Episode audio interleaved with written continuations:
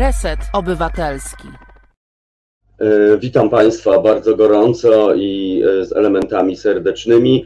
E, Tomek Kołca, Reset Obywatelski, dobra pora. No ja dzisiaj po prostu z domowych pieleszy, że tak powiem, nadaję, gdyż mnie po prostu rozłożyło. Więc mam nadzieję, że Państwo mi wybaczą i goście mój potencjalny spadek formy której, no cóż, tak więc tyle tytułem wstępu. Dzisiaj dwóch gości.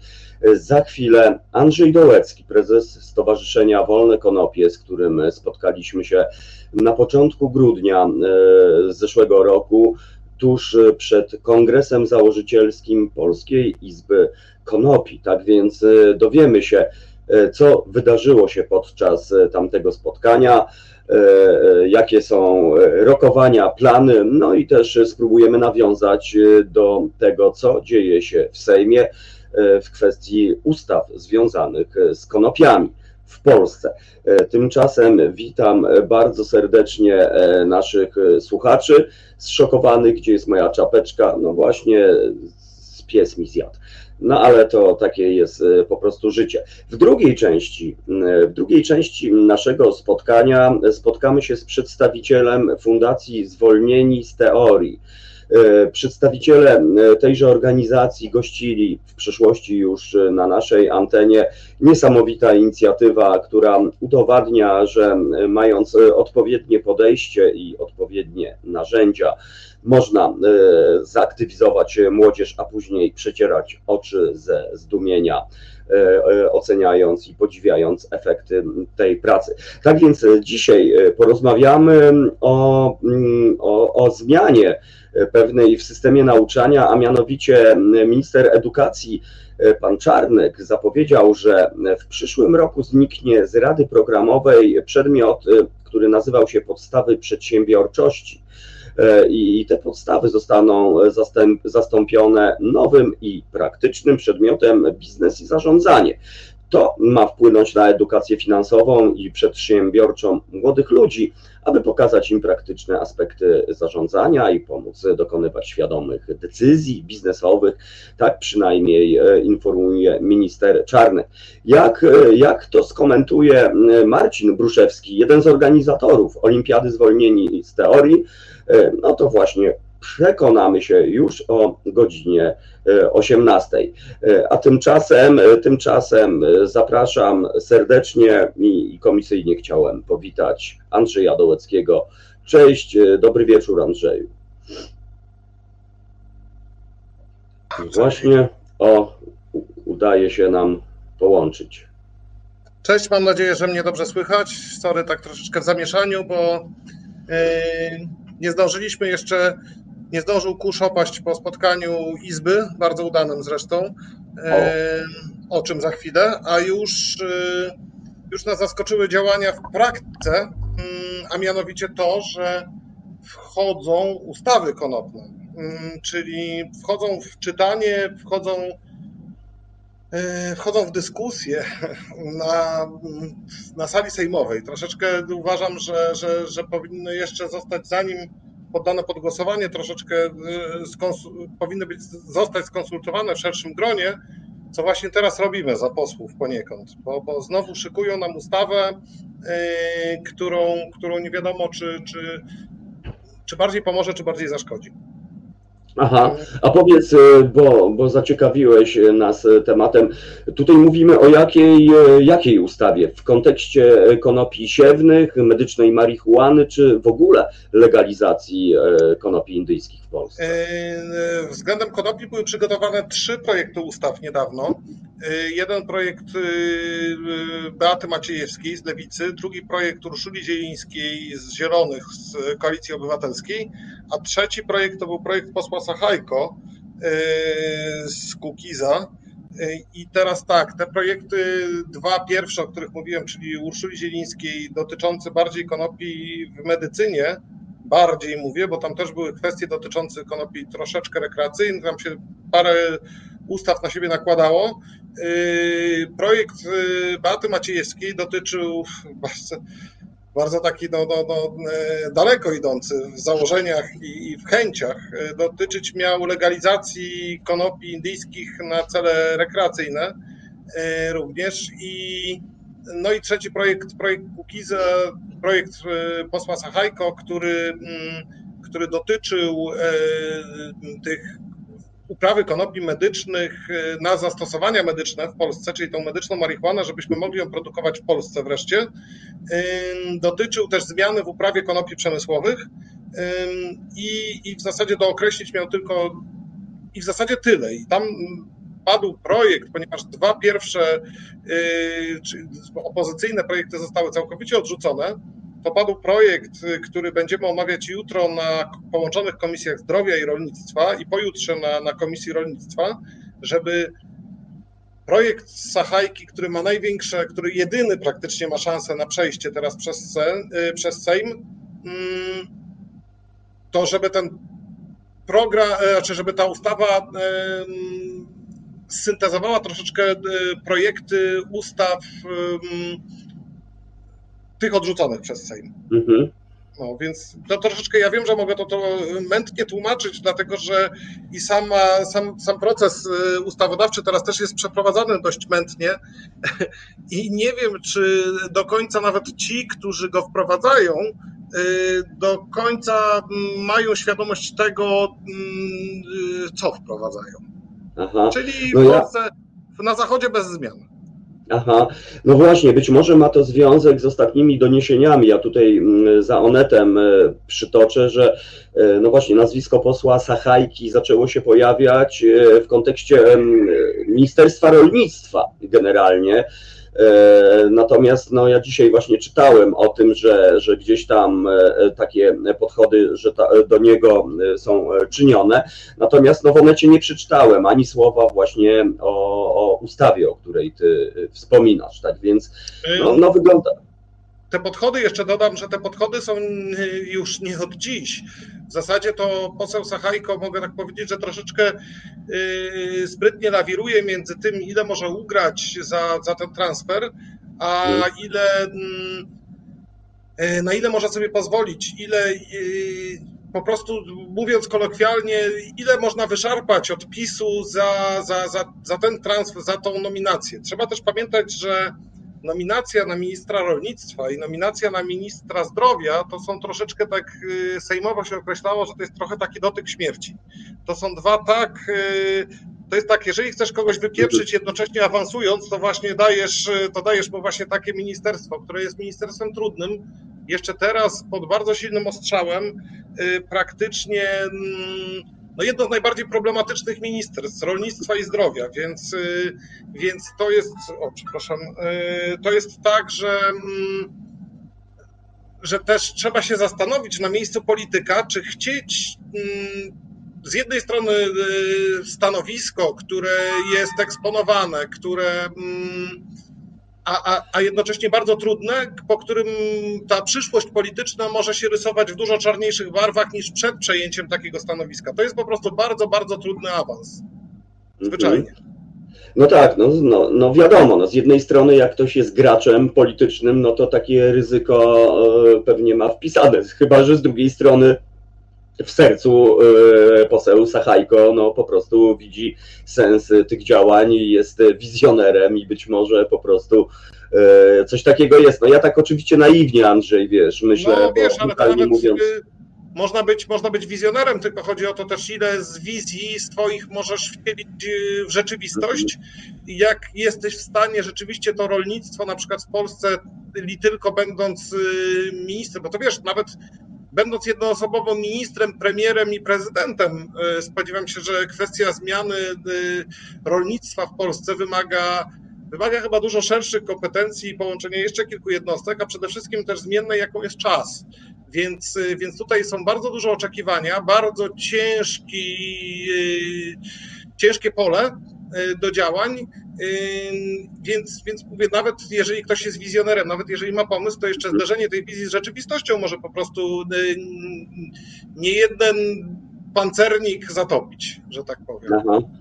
No właśnie, no natomiast no, zainteresowało mnie właśnie ten ruch. Na jakim jest tle? No na pewno w kontekście sytuacji politycznej e, jest to na pewno zdecydowana i bezwzględna gra polityczna. No, no, trudno się spodziewać, żeby jednak za tym szedł jakiś interes społeczny, no, patrząc na obecną władzę.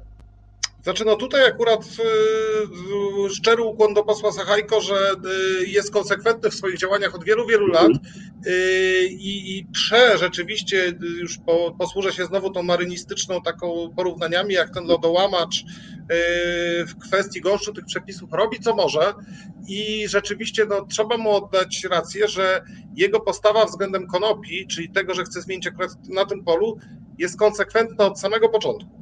Czyli tu rzeczywiście rzadko kiedy spotykam się z takimi politykami, którzy, y, którzy bronią tego swojego y, postanowienia, czy ono jest popularne, czy niepopularne. Więc tutaj, y, więc tu mi bardzo się, bardzo się ta postawa posła podoba. Niestety tutaj się zderzamy później z realpolitik, polityk, czyli to, co on chce, to, co on może, a to, co zrobi jeszcze. I trzeba mhm. pamiętać, że y, w tym wypadku, bo to też w naszym środowisku, tym prokonopnym, jest dużo roszczeniowo-życzeniowego takiego myślenia, to, co on chce, on mhm. nie jest y, szefem y, rządzącej partii. O tym musimy mhm. pamiętać. Decyzję nie podejmuje poseł Sachajko, tylko podejmuje zupełnie kto inny i w innym gabinecie. No tak, no ale wiesz, ary, arytmetyka, że tak powiem, aktualnie no, sprzyja akurat, tak więc y, posłowi Sachajce w kontekście tego wszystkiego. Tak. No ale no dobrze, czyli e, brutalnie mówiąc, nie wiadomo e, na czym stoimy. To się będzie pewnie wszystko klarowało. No właśnie, masz informację, Andrzej, jak to, jak to będzie się toczyło? Czy to jest jednorazowy jakiś taki zryw, czy to już jest jakaś konkretna droga, procedura?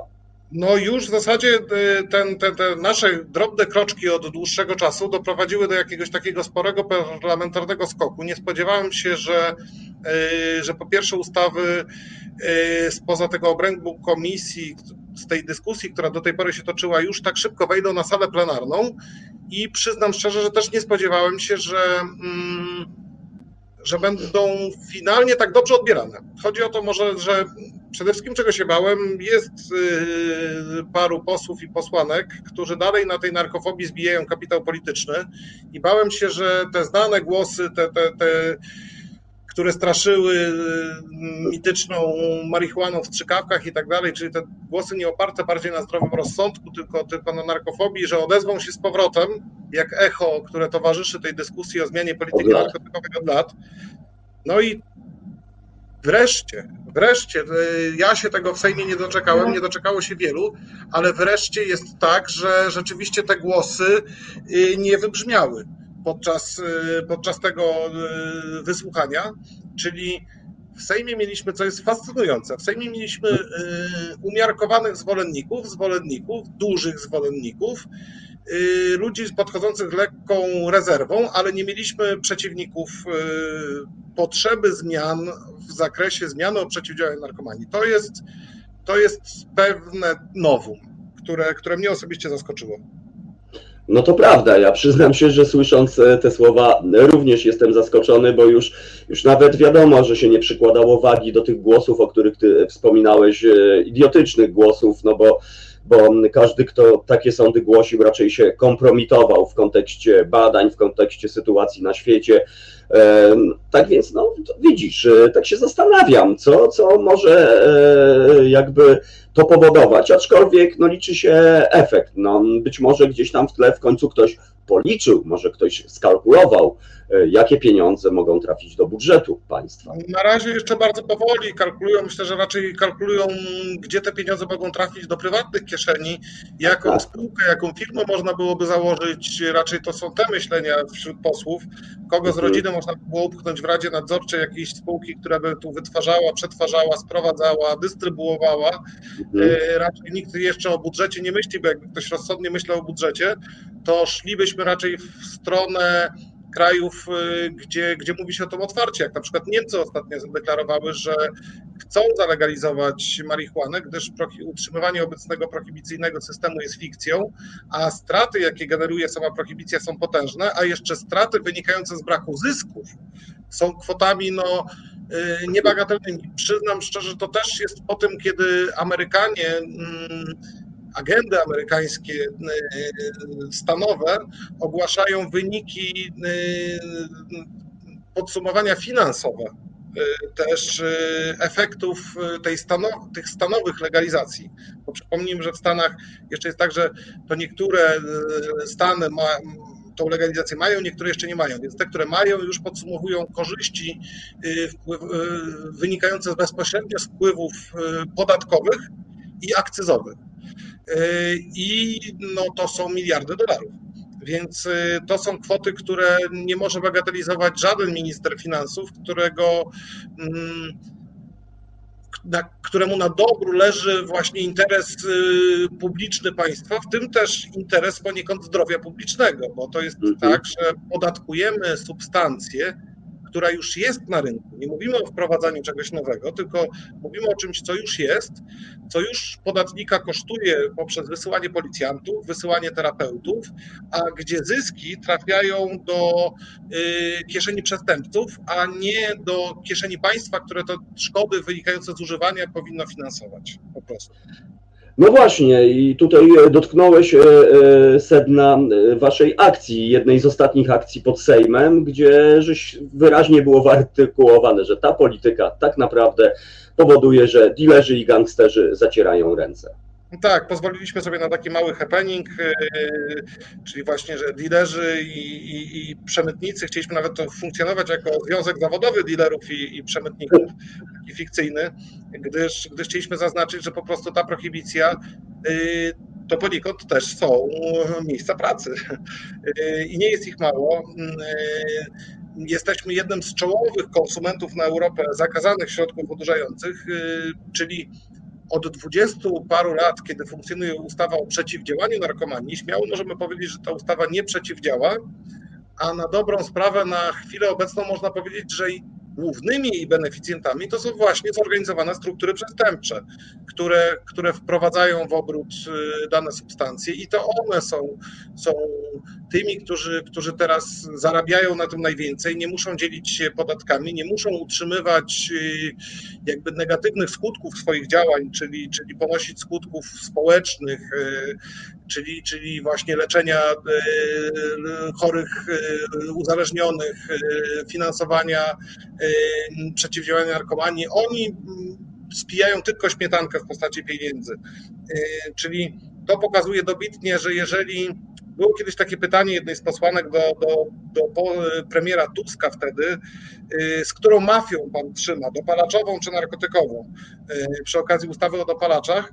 I tutaj wypadałoby to pytanie zadać ponownie wszystkim rządzącym, którzy utrzymują ten status quo, z którą mafią E, trzymają po prostu. Czy w zasadzie tutaj to wtedy to można było pytać o jedną bądź drugą. Tutaj to pytanie jest retoryczne, tylko z jedną mafią. Więc pytanie, albo ktoś jest y, po prostu na tyle skrajnie ignorantem i, i osobą o ograniczonych horyzontach myślowych, że nie jest w stanie y, zobaczyć, że ustawa, która od 20 paru lat y, funkcjonuje w określony sposób, nie przynosi efektów, a wręcz przynosi odwrotne więc jeżeli to jest osoba o tak wąskich horyzontach i tak niskiej możliwości oceniania skutków swoich działań, to nie powinna piastować takiego urzędu odpowiedzialnego, jakim jest posłowanie.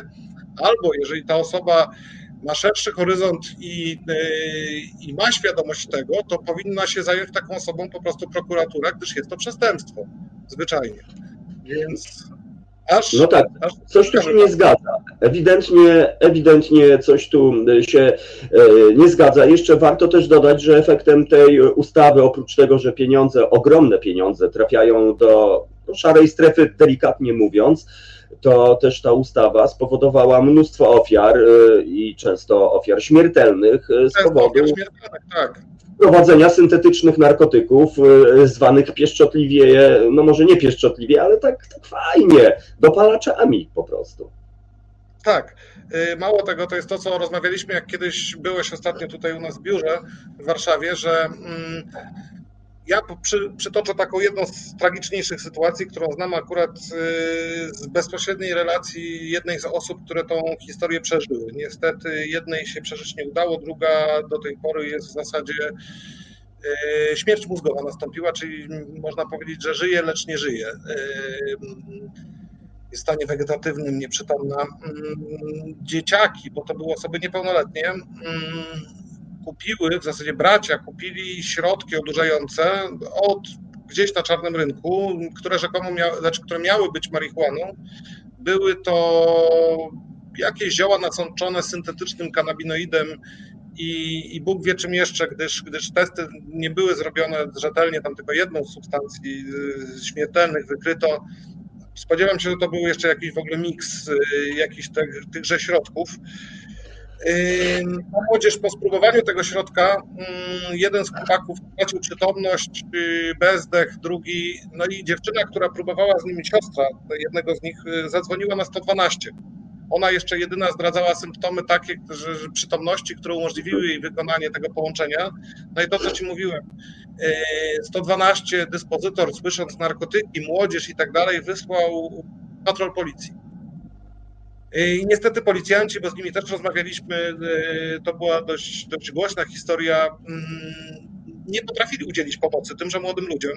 I przez ten czas, zanim, e, zanim oni zadzwonili po, po ekipę pogotowia ratunkowego, to pogotowie, jeżeli już przyjechało, to stwierdziło zgon jednego z tych młodych ludzi, a drugi no, był w stanie śmierci mózgowej już, więc więc tak się kończy prohibicja. Ona, mm, ona właśnie zgarnia swoje żniwo też w ten sposób. Czyli jeżeli myślimy o jakimś problemie nie w kategoriach medycznych, tak jak tutaj, a przestępczych, to w ten sposób yy, szukamy przestępców nie tam do końca, gdzie być powinni, a, a, a wyraźnie wskazujemy, yy, produkujemy ofiary zwyczajnie. To ofiary te najmniej, te najbardziej bezbronne, czyli właśnie ta młodzież, dzieci, które ze swojej głupoty, z braku edukacji, co powinno też być e, działaniem państwa, e, sięgnęły po te środki i od państwa nie otrzymały pomocy. Czyli jedno, że państwo pozwala na hodowanie tego typu bandziorów i, i, i tego typu, produkcję tego typu środków i dystrybucję, bo brak legalizacji i nieskuteczne ściganie, a każde ściganie finalnie będzie nieskuteczne, bo to przeciwdziałanie ma sens, to, to jest przykładanie ręki do tego. Jeżeli ta ustawa by funkcjonowała rok, dwa lata i powiedzielibyśmy, o kurczę, posłowie rany, cośmy narobili, wróćmy z powrotem do jakiejś logiki, ale ona już funkcjonuje lat naście, dziesiąt, ona już funkcjonuje ponad 20 lat. I Marek Kotański, który y, był przeciwnikiem, wszyscy o tym wiedzą, używania czy nadużywania narkotyków, o czym niewiele osób wie, był przeciwnikiem wprowadzania prohibicyjnych ustaw. On mówił wyraźnie w 96, kiedy zmienialiśmy podejście zdroworozsądkowe na nierozsądkowe, na histeryczne, na pozbawione sensu y, i wewnętrznej spójności, to już wtedy chociażby Marek Kotański zwraca uwagę, że ta ustawa będzie y, po prostu spłynie krwią, y, za nią będzie się czaiła śmierć tych użytkowników, będzie się czaił rozrost narkomanii, zwiększenie możliwości grup przestępczych, bo narkotyki zejdą do większego podziemia, gdzie będą droższe, i to wszystko mamy. To wszystko mamy. Te efekty tego zbieramy po 20 latach i nie, nie widzę refleksji, widzę powolną refleksję. Przepraszam, nie jest tak, że nie widzę. To właśnie dyskusje w tym Sejmie były nieliczne głosy. Andrzej Rozenek, Urszula Zielińska, ale to naprawdę tych głosów było kilka. Chociaż dla mnie też są cenne, że, że parę osób powiedziało stop, nie tędy droga, idziemy w głupotę po prostu. Więc... Yy, coś się zmienia. Coś się zmienia na plus. Miejmy nadzieję, że te ustawy no tutaj rewolucji nie uczynią w stosunku do samego podejścia do, do, mm, do użytkowników i do problemu narkomanii, czyli dalej jakby traktujemy to jako problem natury kryminalnej, przestępczej, nie medycznej, e, jak traktujemy chociażby alkoholizm, bo to jest też, żebyśmy mieli spójne podejście do tego, do tego zagadnienia w, w każdym zakresie. Ale nie, my, roz, my mamy jakąś taką logiczną schizofrenię i, i jakieś dwójmyślenie takie orwellowskie, że tutaj mamy dobre narkotyki, y, a tutaj mamy niedobre narkotyki. I to, ta niedobroć ich nie wynika z ich niebezpieczeństwa bynajmniej. To jest niesamowite, że posłowie mówią o groźnej marihuanie, której y, od początku funkcjonowania z ludzkością nie udało się zabić ani jednej osoby, a mówimy o niegroźnym, swojskim, znanym alkoholu, który doprowadza do bód, morderstw, wypadków drogowych, komunikacyjnych, marskości wątroby, zespołu Korsakowa i mnóstwa innych rzeczy i nachlaniu się w Katyniu nad grobami polskich oficerów przez y, czołowe postaci polskiego życia politycznego i tak dalej, i tak dalej. Więc, więc w tym nie widzimy zagrożenia. Więc mówię, to mamy, mamy też to rozdwojenie jaźni takie logiczne, że, że, że nie traktujemy tych substancji y, w wyniku ich realnego zagrożenia, tylko tego, jakie widzimisię jest niektórych y, wynikające z pewnego rodzaju uprzedzeń i narkofobii, która niestety, już kończąc mój przydługi wywód, y, według mnie po latach spędzonych w Sejmie też nie wynika do końca z samego nastawienia, a zbijaniu kapitału politycznego, i co nie boję się zasugerować, wydaje mi się, że, że trwanie wielu posłów w funkcjonowaniu tym prohibicyjnym ponad wszelką logiczną miarę bierze się też z tego, że y, na pewno mają w tym pośrednie bądź bezpośrednie korzyści majątkowe, po prostu, zwyczajnie. No to jest niesamowite. Warto też y, y, dodać, Andrzej, że to jest bardzo demoralizujące z punktu widzenia obywatela. No, wy jako Wolne Konopie pewnie macie dane szacunkowo, szacunkowe, ilu jest użytkowników zarówno rekreacyjnej, jak i medycznej marihuany w Polsce? To jest troszeczkę ciężkie do oszacowania w sytuacji, hmm. kiedy ludziom grożą te sankcje karne. Te ciężko to wtedy ankieta, ja to pamiętam jak w szkole, y, że w szkole jak były ankiety o y, tym, czy się zażywa narkotyki, to oczywiście y, było 99,9%, że nie. I w szkoły były wolne od narkotyków, mimo tego, to, to, te ankiety to trochę tak jak głosowanie na Stalina. Niby anonimowo, ale wiadomo, że, że, że lepiej uważać. Więc, więc tutaj jest tak, że bada się to pod kątem troszeczkę innych parametrów mnie najbardziej y, przekonuje metoda y, analityczna. To jest metoda opracowana przez Włochów i Anglików, która bada metabolity określonych y, substancji odurzających w ściekach. To jest mhm. metoda, która pozwala oszacowywać właśnie skalę spożycia jakby bardzo anonimowo, nie pytając o to ludzi, zwyczajnie pytając, pytając no, w kanalizacji, to, to wtedy możemy wiedzieć dużo więcej.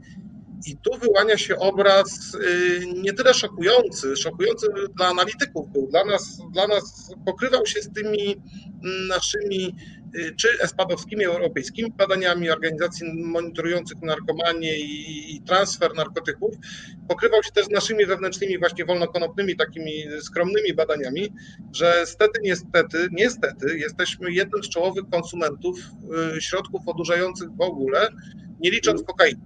Y, tutaj rzeczywiście Włosi, tam Holandia, Anglia, to po prostu jest narkotyk dla nas jeszcze w kontekście nawet linii tych dostaw jest narkotykiem za drogim, ale jeżeli chodzi o kanabis, to jesteśmy, to y, konsumujemy marihuany więcej niż Holendrzy statystycznie. Ciekawostka. Mhm. Jeżeli młodzież, to młodzież w ogóle wybija się nasza ponad statystyki i tutaj mamy wręcz zatrważające, a szczególnie w małych miejscowościach, mamy zatrważające wyniki, jeżeli chodzi o konsumpcję syntetycznych narkotyków, tych nowych, designer drugs, czyli właśnie tych dopalaczy, o których mówiliśmy, ale też tych tradycyjnych. I tutaj prym wiedzie amfetamina i marihuana. To są najpopularniejsze narkotyki to jest w ogóle bardzo niezdrowe połączenie wtedy już ogólnie, mówię o psychice nawet, taki mhm. kocioł y, multitoksykomański, gdzie się łączy marihuanę z y, amfetaminą i z alkoholem jednocześnie. No, ale to jest, tak jak mówię, to jest skutek prohibicji. To jest właśnie to, że w takich krajach, które ten skok było bardzo dobrze widać w Portugalii, która z systemu dość mocno prohibicyjnego przeszła na ten system, kiedy przestano traktować y, zażywanie substancji odurzających jako problem natury kryminalnej, a samo zażywanie, bo handlowanie tam dalej jest nielegalne, y, a, a, a zaczęto to rozpatrywać jako problem natury medycznej, właśnie tak jak palenie papierosów, nie wiem, czy pamiętasz, to tędy droga jest właśnie zniechęcaniem, e, robieniem z czegoś zjawiska nie lifestyle'owego, a bardziej obciachowego. Była kiedyś mhm. taka rewelacyjna kampania w Polsce, która przyniosła efekt, palenie jest do dupy. Z takim mhm. tyłkiem z papierosem. Tak. Świetna grafika, mam ją do tej pory gdzieś ten plakat i... Przekaz precyzyjny. Tak, prosty i skuteczny. I to zaskutkowało. To przestało być, palenie stało się pase. Kiedyś było tak, że w liceum, gdzieś pamiętam w podstawówce, ktoś chodził na peta, to był taki łobuz, taki jakiś fajny, jakiś, no taki wiesz, Marlon Brando, tak bym powiedział, wiesz, a, a, a teraz to po prostu obciach, nie? Ktoś mówi, kurde, jarasz, daj spokój, to śmierdzi, truje, wiesz, nic fajnego. No Troszeczkę tak powinno być też, bo tak funkcjonuje właśnie zdrowa polityka zniechęcania, a, a straszenie, słuchaj, jak zapalisz papierosa, to cię tam dostanie 200 zł mandatu czy coś tam, to wręcz będzie, to, to, to jeszcze więcej będzie osób paliło dla fanu na zasadzie takiej, a mnie złapią, nie złapią, ha, ha, ha. Wiesz, trochę, że to w tą mhm. stronę nie, nie tędy droga, po prostu to już wiemy, że polityka prohibicyjna nie daje rezultatu. No nie zdaje, nie zdaje. E, Holandia przecież e, wszyscy się powoływali e, dawno, dawno temu już, kiedy powstawały coffee shopy, że przecież wzrośnie tam spożycie, w ogóle, że to będzie degrengolada i nagle nagle klops, bo się to nie sprawdziło. Mm, to jest troszeczkę tak, że na początku to spożycie teoretycznie wzrasta, ale to trochę tak jak w Kanadzie, tylko że to trzeba umiejętnie czytać statystyki. To nie chodzi o to, że ono wzrasta, tylko w Kanadzie na przykład, czy w niektórych stanach, gdzie na początku zauważono skokowy wzrost, szczególnie w ankietach, yy, ludzi, to nie jest tak, że wzrosła liczba użytkowników, tylko wzrosła liczba użytkowników, którzy się do tego przyznali. Mhm. Później na ten pik y, się wyprostował, ta linia, jak zaczęto badać, to długofalowo, kiedy już o Kanadzie możemy mówić pewnej długofalowości, bo to już są lata, to ciekawe, że yy, młodych ludzi, którzy trafiają do poradni yy, zdrowia psychicznego i poradni tamtejszych, yy, poradni przeciwdziałania narkomanii, y, osób, które zgłaszają się w wyniku toksycznego używania kanabis, liczba zaczęła spadać. Mhm. Po pierwsze, dlatego, że pieniądze wynikłe z zysków właśnie ze sprzedaży tego przereinwestowano i to był jakby przymus ustawowy też przy okazji wprowadzania dla mnie uważam, że bardzo zdrowy. E, przeinwestowano w mm, programy profilaktyki i przeciwdziałania zarówno osób, które dopiero by zaczęły używać tej marihuany, ale też w stosunku do osób, które używają jej w sposób e, szkodliwy. I, i to zaczęło działać. Pytać się mnie, ile, e, ile osób w Polsce używa. Właśnie staram się tak zerkam w lewo tutaj na SMS-a piszę, staram się dojść do tych danych. Mhm. Y, tak, osób używających medycznie, to mogę powiedzieć y, na razie, y, ile recept zostało wystawionych, ile zostało na teraz. Są to, musiałbym, musiałbym dokładnie sprawdzić, tak, setki tysięcy to jest niecała, około tony na razie sprowadziliśmy, czy około miliona gramów, czyli tam powiedzmy, to są setki tysięcy recept dla dziesiątek tysięcy pacjentów na razie. Tylko pamiętajmy o tym, że spora część pacjentów yy, korzysta dalej z czarnego rynku. Mhm. Yy, więc z czego to wynika właśnie? Z ceny, dostępności? Dostępności i z ceny z tych dwóch Aha. zmiennych. W zasadzie tylko, bo jeżeli by służb był bardziej dostępny i tańszy, no to, to y, a jeszcze kolejnym aspektem hamującym jest to, że lekarze jeszcze mają małą wiedzę o tym, ciężko zdobyć tą receptę, y, ciężko, nie ciężko, no nie wszyscy lekarze, w sensie ci lekarze, którzy już się decydują na wypisywanie, to, to nie robią z tym problemów, ale, ci, którzy, ale, ale tych lekarzy jest, y, jest na promil na razie, na, na, mhm. na, na więc też nawet nie tyle nastawienie, co po prostu brak edukacji wśród lekarzy, wiedzy o tym, że to w ogóle jest możliwe, dostępne. Spodziewam się, że nawet spora część użytkowników, bo ja widzę to po swoich znajomych, nie pamięta, nie, nie wie, że jest możliwość zdobycia legalnie w Polsce suszy. To tak mówię mhm. nawet moich znajomych, a ustawa już funkcjonuje drugi, trzeci rok, że czyn, w sensie ustawa funkcjonuje dłużej, ale że, że cóż już jest od dwóch, trzech lat w aptekach i jeszcze nie wszyscy y, jakby to wiedzą, że, że można mieć posiadanie medycznie. A, a, pozwól, że wejdę y, Ci w słowo. Kiedy byłem ostatnio w aptece i podziwiałem półkę z produktami z konopi, czyli setki olejów, różnych suplementów i tak dalej, i tak dalej E, spytałem się e, panią, jak to właśnie wyglądało e, z tą medyczną marihuaną. I ona powiedziała, że jak to się pojawiło, to pod apteką ustawiły się kolejki. Po prostu pierwsze kolejki, które ona widziała po, po długiej, długiej przerwie. Ale myślę, te kolejki jest... się zdarzają, zdarzają teraz, bo y, bywało tak, że y, tego suszu brakowało na rynku. No i wtedy jakby wróciliśmy do systemu, który, który niektórzy dobrze pamiętają, a ci, którzy nie pamiętają, to widać, że zachodzi jakaś tutaj pamięć genetyczna, bo, bo młodzi automatycznie utworzyli y, ludzie, którzy Komitet. Po 90 roku i prawa, nie mają prawa pamiętać tego, sami tworzyli komitety kolejkowe, wszystko to jakby gdzieś, gdzieś zostało w narodzie niestety. Yy, I, i, te kolejki, gdzie mam gdzieś zdjęcia właśnie, że, że apteki miały na przykład specjalne okienko do wydawania tylko medycznej marihuany i przy nim była kolejka po prostu, bo jeżeli tego suszu nie było 4 miesiące w aptekach i nagle no miasto rzucili znowu, to, to, to niektórzy po prostu robili zapasy, później spekulacje były, tym moc sprzedawania, no, no, no Wszystkie te patologie związane z regulowanym rynkiem, jaki znamy z systemu poprzedniego i, i, i, z przeregulowanym rynkiem, jaki znamy z systemu obecnego, no to są właśnie, to się po prostu odbija czkawką, więc ale, ale fakt, że no już sam fakt, że, że, że, że ten susz jest w aptekach i w miarę na razie będzie stabilnie, to już jest pewnego rodzaju przełom. Te ustawy, jeszcze mhm. wrócę do tych ustaw, które się dzieją teraz i zaraz tak przejadę płynnie na, na izbę i zaraz będę musiał uciekać też do swoich obowiązków z tym związane. Mhm. Te ustawy, które teraz wchodzą, mm, teoretycznie, tylko my musimy być czujni niestety, bo, bo wchodzą tak tym polskim trybem, tak trochę na kolanie, trochę wieczorem, trochę przez święta, trochę pisane przez, przez muzyka i krawca, a nie przez lekarza i farmaceutę. Mm, no ale koń jaki jest, każdy widzi, to w jakim kraju żyjemy. Więc ustawy wchodzą, mają zmienić coś na plus. Mają przede wszystkim zmienić to, że możemy, będziemy mogli to robić tutaj w kraju. Mm, mhm. To raz. Mm, dwa, y, ustawy też umożliwią y, szersze wykorzystanie konopi nie w medycynie, w sensie konopi, bo my rozróżniamy w Polsce w ustawie konopie do zastosowań medycznych i niemedycznych. To jest bardzo y, ciekawy pomysł, w sensie taki no, ciekawy, mówię w cudzysłowie, w sensie wyznacznikiem tego jest poziom THC po prostu a tak naprawdę z, tych, z niższym poziomem da się zagęścić to do takiego poziomu, który jest teraz w tych aptecznych, więc ten poziom jest sztuczny, trochę głupi, no ale jest.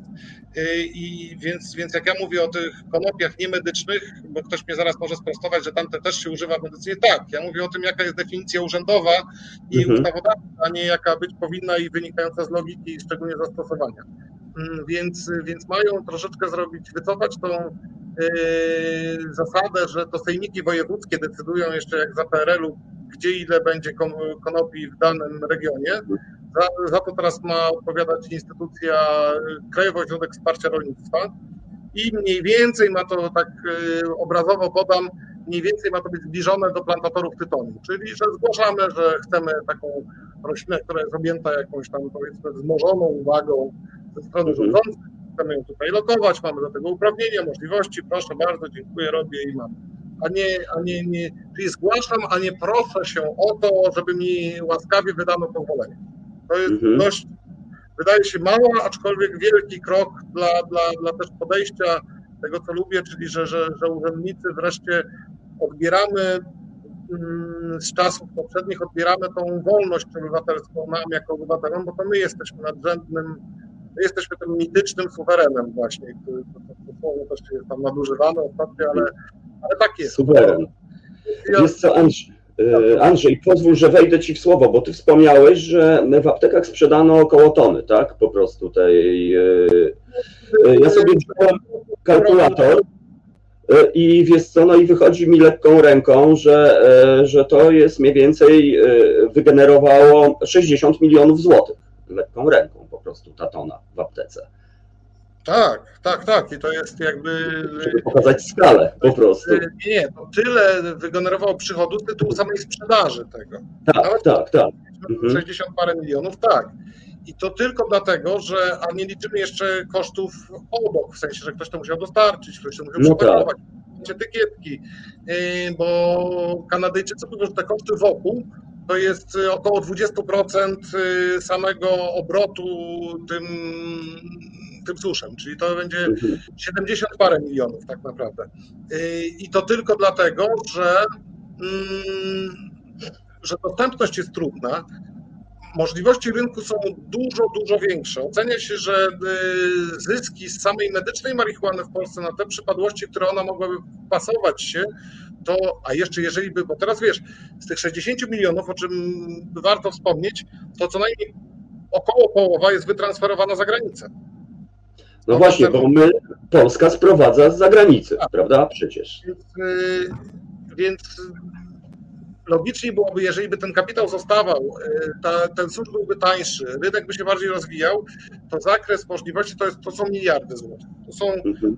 Przypomnę, że na onkologię daliśmy około 500 milionów. Ja myślę, że zyski z samej medycznej marihuany medycznej mogłyby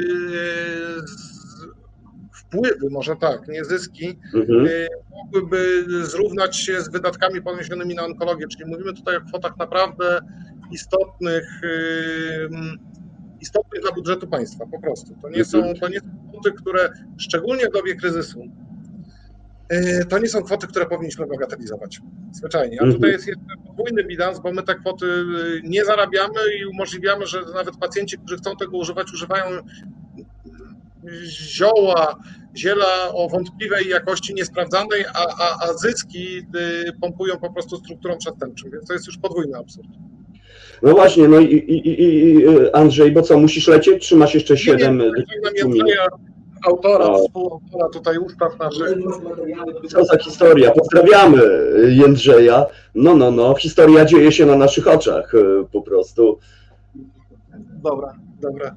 O, więc my tu jesteśmy w trakcie, wiesz, jakby sztab działa tutaj, nasz właśnie tej Izby Konopnej, która jeszcze nie została zarejestrowana i o tym yy, odbyło się to spotkanie. Yy, podmiotów zjechało się dużo więcej niż się spodziewałem. Zebrało się nam nas, tam nas ponad 140 osób reprezentujących ponad 100 firm, więc tą masę krytyczną do tego, żeby tą y, inicjatywę założyć, osiągnęliśmy. I jesteśmy w trakcie procedowania, czyli tam przepychania się z KRS-em, papierami, statutem, uchwałami i tak dalej. To, wszystko to, to, to zajmuje na początku najwięcej czasu.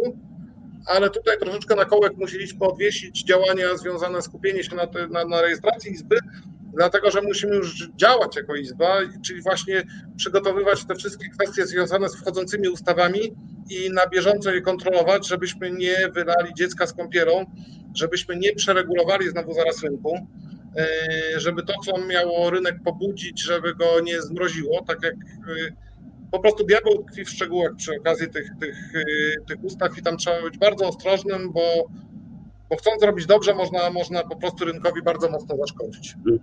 A, a wiesz co, e, poz, pozwól, że wrócę znowu do tej mojej wizyty w aptece, kiedy, kiedy podziwiałem no, te suplementy, olejki CBD i tak dalej, i tak dalej. Tego było całe mnóstwo. E, I kiedy właśnie pytałem się pani, a który pani rekomenduje, e, który jest lepszy? No bo ja tutaj mam 10 producentów, który ja mam wybrać po prostu? A pani powiedziała, że ona nie wie, bo tak naprawdę tutaj i to do, tu pokazuje, jak ważną rolę może odegrać Polska Izba Konopi, żeby ktoś to w końcu zaczął. tą rolę odgrywać. To nawet nie to, że e, i my e, Dlatego mówię, że tworzymy tą izbę, że, że ona jest bardziej predestynowana do takich działań, bo my już to zaczęliśmy robić jako wolne konopie. Myśmy wzięli, zebrali część tych takich najbardziej znanych olejków, mniej znanych i zrobiliśmy ich badania. E, jesteśmy w trakcie rozmów Czyli patrz, to jest też takie znamienne dla Polski, ale tu akurat mnie cieszy ta elastyczność, czyli że my jeszcze nie jesteśmy tworem zarejestrowanym, a już urzędy chcą z nami rozmawiać.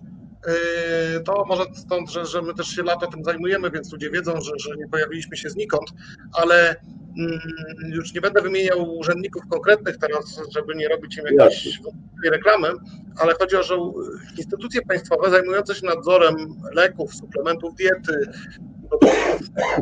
wyrobów e, na rynku medycznym i niemedycznym widzą ten problem, a poniekąd mają ręce związane, więc e, ustawa o izbach gospodarczych właśnie pozwala e, instytucjom, ministerstwom zrzucanie kompetencji, pewnych kompetencji właśnie na izby, czyli i to takich kompetencji, czyli to, że rynek nie nadąża, w sensie ustawodawca zaraz jego instytucjami nadąża za, za rzeczywistością, to już wiedzieliśmy wcześniej, chociażby z ustawy o dopalaczach, czy jakby z tą walk, walką z wiatrakami przy okazji walki o dopalaczach. I to pokazuje w kontekście Izby, że my właśnie szybciej będziemy działać, rzetelniej. my wiemy, co badać poniekąd. I, I to jest to, co mówiłem, że my chcemy się zająć nie tylko mm, certyfikowaniem produktów ze zgodnością tego, co piszą na etykietkach, ale też chcemy wprowadzać taki, taką y, jedną z miar, jedną ze składowych tej oceny y, z czymś takim jak y, etyka sprzedaży. Bo mhm. to też jest ważne wśród tych producentów, dystrybutorów, to w jaki oni sposób to sprzedają. Ja się nie zgadzam zarówno z tym, żeby niektórzy sprzedawcy CBD mówili, że ich produkty leczą raka, chociażby. Podam tylko taki przykład z lewej i z prawej, yy, bo one mogą współdziałać przy leczeniu. Są badania, yy, one mogą pomagać przy leczeniu, nawet mogą gdzieś brać udział w tym leczeniu, ale póki nie mamy tego zbadanego, to nie możemy powiedzieć tego na 100% i póki nie mamy tego jako produkt leczniczy, bo to jest też druga sprawa, czyli w leczeniu, bo już teraz wykorzystujemy kanabis w leczeniu różnych schorzeń, i mamy to potwierdzone, ale po to udajemy się właśnie do apteki albo ewentualnie robimy takie coś sami, a nie kupujemy z czarnego rynku. Druga, drugi przykład sprzedawania produktów CBD w postaci suszu, gdzie reklamuje się jako legalna marihuana, na przykład wśród y, małoletnich też, bo ustawa teraz na to pozwala. Dla mnie to jest działanie obecnie legalne, ale wysoce nieetyczne. I na tego jako Izba również chcemy zwracać uwagę, żeby kształtować też te wzorce dobrych praktyk na rynku, Yy, żeby być odpowiedzialnym za to też, jak to robimy po prostu. Nie tylko co sprzedajemy, ale też jak sprzedajemy, po prostu, zwyczajnie. Mhm. To, to, są te, te priorytety, te, te, te, zadania, które już teraz realizujemy jako Izba, mimo tego, że jeszcze nie zostaliśmy formalnie zarejestrowani. Więc, więc właśnie. Robimy. E, no widzisz, tutaj sięgamy też bardzo, bardzo ważnej rzeczy. Pozwól i pozwólcie, drodzy Państwo, że raz jeszcze e, e, wrócę do tej mojej wizyty w aptece, ale kiedy zacząłem rozmawiać z panią farmaceutką, do rozmowy niemalże włączyli się ludzie, którzy byli w kolejce, jakaś starsza pani E, że ona słyszała, ale nie wie za bardzo co, no i tutaj nagle zaczęły tutaj, o przy pani, tutaj to CBD, to się śpi po tym dobrze. I tak dalej, i tak dalej, więc e, tutaj zdałem sobie też wtedy sprawę, no jak, e, jak wiele jest do zrobienia. I to nawet na tym poziomie elementarnym po prostu. No to jest podstawowo na tym poziomie jest do, wiele do zrobienia i to widzisz w aptece, ja to widzę w Sejmie, Mhm. Kiedy wiesz, y, przedstawiciele instytucji, którzy zajmują się y, narkomanią od 20 lat nie są w stanie rozwinąć skrótu THC, tetrahydrokannabinol, y, czy, czy, czy posłowie, którzy na Komisji Zdrowia, lekarze medycyny, którzy, medycyny, którzy mówią, że alkohol nie jest substancją odurzającą i nie jest substancją narkotyczną, no tak, to mamy jeszcze dużo, dużo do zrobienia na takim levelu podstawowym, poziomie podstawowym. O, tutaj było. Tak, e, tutaj czytam jeszcze komentarz, komentarz. pana Mirosława o, Mirosława o przypadkach padaczki lekoopornej w Stanach, że receptę trzeba było przejść przez wszystkie istniejące nieskuteczne i trujące pacjenta kuracje. Myśmy właśnie starali się nie popełnić tego błędu w polskiej ustawie. Podobna była w Czechach, czyli żeby lekarz mógł zastosować konop- e, terapię opartą na konopiach, gdzie jej toksyczność, wpływ negatywny na pacjenta jest bardzo, bardzo niski, musiał najpierw przejść przez gro terapii o, o bardzo wysokiej toksyczności, szkodliwości dla, dla tegoż pacjenta. I to jest właśnie to, o czym mówię, że my właśnie musimy po to być i po to jesteśmy jako wolne konopie, po to jesteśmy jako aktywiści, pacjenci, użytkownicy i po to chcemy być formalnie jako Izba Konopi, żeby na coś takiego zwracać uwagę, żebyśmy nie robili takich błędów właśnie, jaki był w, w amerykańskim na początku prawodawstwie. Yy, czuwamy po prostu, to jest naszym, naszym właśnie ten reset obywatelski. Myśmy powinni obywatelski reset zrobić w całym tym społeczeństwie, żebyśmy my po prostu jako obywatele czuwali nad, nad tym, co robią rządzący na każdym etapie, od gminy po Sejm, po Pałac Prezydencki. Po prostu, zwyczajnie władza bez nadzoru obywatelskiego ma tendencję do deprawowania się w sposób y, celowy bądź, bądź, bądź przypadkowy. Czyli tutaj ci urzędnicy mogą y, popełniać błędy, bo, bo zwyczajnie y, domeną ludzi jest popełnianie błędów e, i, i może to być w tym przypadku, albo może to być po prostu działanie na rzecz grup interesów e, z czarnej, bądź białej, bądź szarej strefy. Bo, mhm. bo mówię, e, tutaj akurat to, co, to, co pisze pan Miros, pani Mirosława, przepraszam, pani Mirosława, co pisze, to wynikało właśnie z lobby farmaceutycznego, które najpierw w Stanach które żądało stosowania ich środków, zanim się przejdzie na stosunkowo łagodne właśnie konopie. Więc my po to jesteśmy na, na, na straży tutaj tego, żeby, żeby te ustawy nas satysfakcjonowały i żeby tutaj się nie działo nic dziwnego. No właśnie, tu też dotknąłeś też cholernie ważnego e, aspektu lobby farmaceutyczne, a jak wiemy biznes farmaceutyczny to jest jeden e, z czołowych e, w górnej pół, że tak powiem, nie wiem, pierwszy, drugi, trzeci, a może czwarty biznes na świecie, który jest najbardziej dochodowy, więc ja nie mam w ogóle złudzeń, że, że to nie jest na rękę koncernom farmaceutycznym. Mm, tym, Trochę które... nie jest na rękę, to jest tak, że, że koncerny też nie pozostają w tyle i ostatnia fuzja Pfizer, który wykupuje e, firmy z sektora właśnie tych medycznych zastosowań konopi, pokazuje, że wcześniejsza e, fuzja e, Bayernu z też dużą, nie fuzja, w sensie wchłonięcie firmy, jednej z firm, która wprowadziła jako pierwsza na rynek produkty oparte na konopiach, kanabis THC właśnie na rynek medyczny, pokazuje, że że Big Pharma będzie, jak ja lubię z, to nie jest też spiskowa teoria, bo po prostu duże koncerny tak robią. Wystarczy spojrzeć, ile mają spraw przeciwko e, w tych krajach, w których te sprawy mogły mieć. Skoro Szwajcaria wygrywała, skoro wygrywały Stany i tak dalej, to dopiero w krajach, które były za biedne, za małe, żeby się o tą sprawiedliwość upomnieć. Można sobie zobaczyć, czyli ten stosunek tych spraw liczba tych spraw, które mają wielkie koncerny przeciwko sobie, które przegrały za zachowania wyjątkowo nieetyczne, pewnie można mnożyć razy kilka, e, jak nie kilkanaście. Więc tutaj nie ma co spekulować, e, bo te koncerny im zależy na ich dobru, a nie na naszym dobru. E, mhm. Więc, więc taka jest logika współczesnej friedmanowskiej ekonomii. Koncerny sprzedają leki, żeby nie tyle leczyć, co żeby zarabiać, więc, więc nie do końca też często zależy na wyleczeniu, a na zaleczaniu i tak dalej, i tak dalej. Ale Big Pharma y, po prostu jak będzie trzeba, to ona położy na tym łapę zwyczajnie. Mm, firmy zostaną wykupione, tak jak mówisz, to są tacy giganci, którzy zamiast zwalczać, to po prostu wepną to do swojej rodziny zysków, zwyczajnie. Czyli prędzej będzie tak, że będzie można, czyli z tym się borykamy, bo ja uważam, że mm, to, co mówił Marek Balicki, że jest to lek bezpieczny, skuteczny i tani. I coś, co możemy robić może nie na parapecie, ale w małej szafie, w warunkach y, zachowania pewnej sterylności, to, to, to te konopie możemy robić, robić sami. Takie przez mhm. wiele, wiele lat. Zanim powstały koncerny farmaceutyczne, to już dawno powstały farmakopeje, w których opisywano y, wyciągi, leki oparte na konopiach i, i, i poradza, te, te poradniki radziły robić, znaczy opierało się na surowcu, który, który się pozyskiwał samemu. Mhm, Nie trzeba było mhm. pośrednika w postaci wielkich koncernów. No ale świat teraz y, przywykł do tego status quo, więc spodziewam się, że coś, co my bardzo ostrożnie właśnie nie chcemy iść drogą Kanady, czyli legalizacji korporacyjnej tak zwanej. Czyli chcemy, żeby ta mhm. legalizacja stopniowa, która nadejdzie, była y, legalizacją dla wszystkich, a nie tylko dla korporacji. Bo, bo niestety no, trzeba pamiętać, że naturalną, no, grabie grabią swoją stronę, czyli po prostu korporacja będzie skupiała się na tym, żeby to ona osiągała korzyści, a nie żeby, żeby osiągał je kto inny w tym wypadku społeczeństwo. Andrzej, e, który z przykładów według Ciebie jest e, najkorzystniejszy? Bo jest, jest naprawdę kilkanaście, a może już kilkadziesiąt krajów, gdzie ta polityka e, związana z konopią jest zupełnie inna niż u nas. Który model według Ciebie jest najlepszy?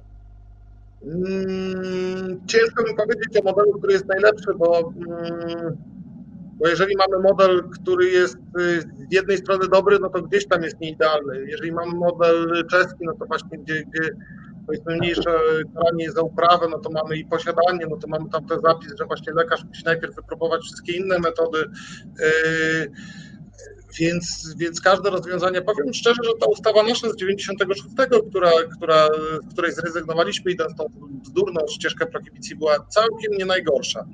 Mm, ja myślę, że tutaj trzeba było iść z duchem czasu, gdyż yy, i stworzyć.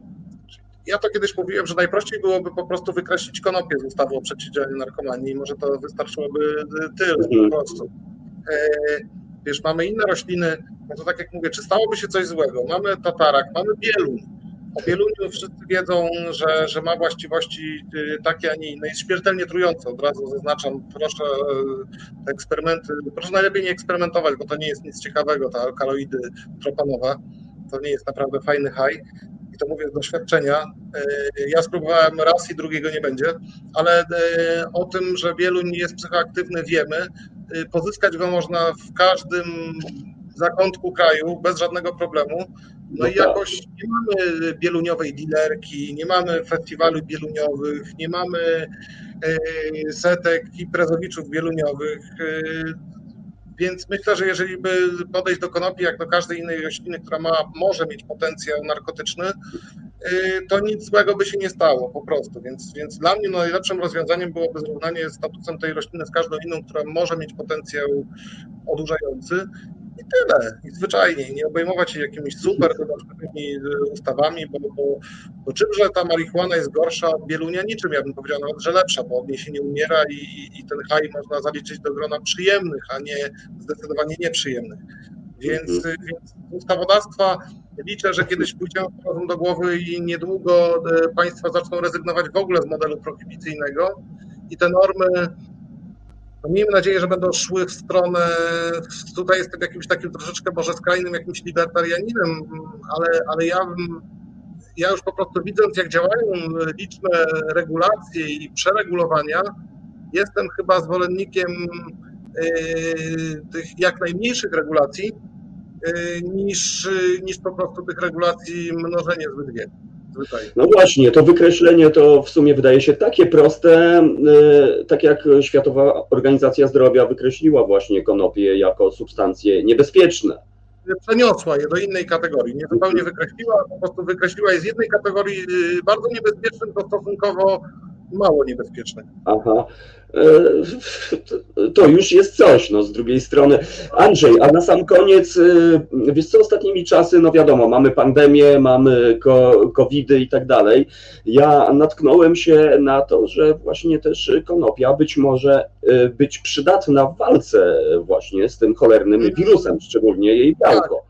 Tak. Są, są badania konkretnie odnośnie jednej z y, mutacji tego wirusa y, i, i przyczepem tym kolcowym do, do, do błon komórkowych y, i do, i do później, gdzie on wchodzi tam w tą, w tą strukturę DNA, RNA, już nie pamiętam, ja akurat mhm. dalej jestem od wirusologii, o ile tylko tyle, że wiem, że wirus prohibicji jest po prostu groźnym i, i, i trudno zwalczalnym wirusem to wiem, że tak, że są takie badania, nawet y, ciekawostka, że już wcześniej zwrócono y, uwagę po prostu na osoby, szczególnie w niektórych krajach, gdzie, gdzie używanie konopi jest bardzo powszechne, a szczególnie nawet nie palona, a konsumowana w postaci różnych napojów, wywarów, ekstraktów, mm.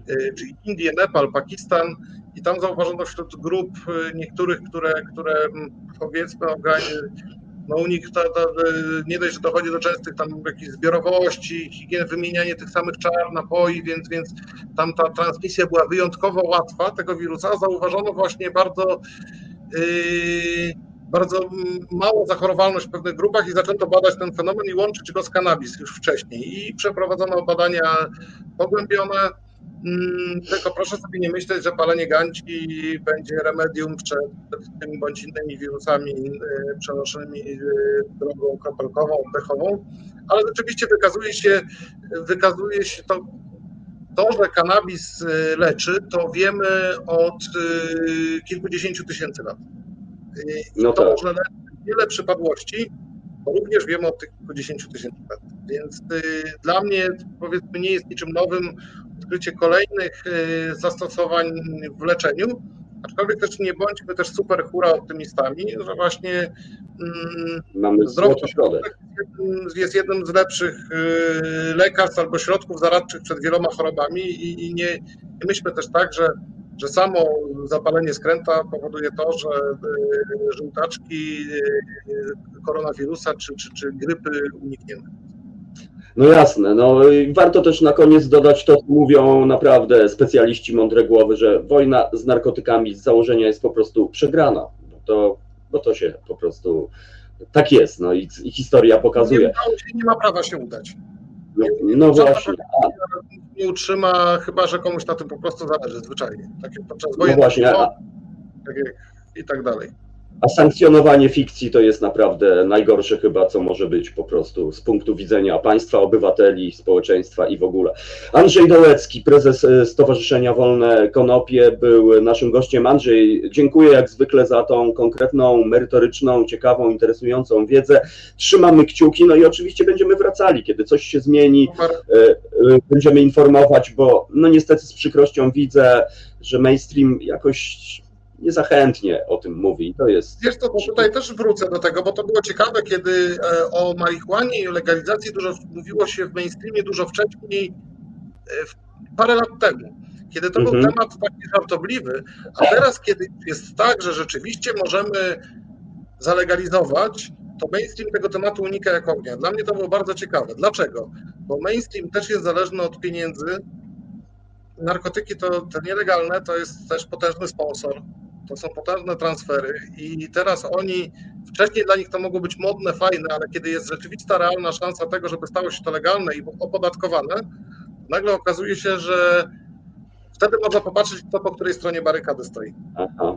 Dokładnie tak. I, i, i ja proponuję, bądźcie uważni, drodzy Państwo. Naprawdę bądźcie Tak. uważni, bo, bo nawet w tych mediach uchodzących za liberalne, za fajne, takie, no czasami są takie treści, że to aż no, wstyd tego słuchać po prostu. Nawet, nawet y, pracownicy tych mediów mogą sobie nawet nie zdawać sprawy, w jakiej tam grze uczestniczą, ale spin doktorzy, którzy przygotowują to księgowi połączeni z, y, właśnie z takimi spin doktorami, liczą sobie wpływy i potencjalne straty tych ich inwestorów, a, a- te pieniądze czarne muszą gdzieś być później przepierane.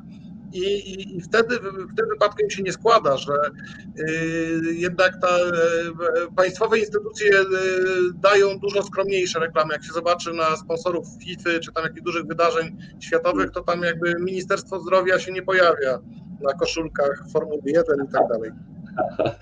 To jest temat na osobną audycję. Andrzej, bardzo, bardzo serdecznie Ci dziękuję. Trzymamy kciuki e, do następnego razu. Raz jeszcze, Andrzej Dołecki, Wolne Konopie w Resecie Obywatelskim.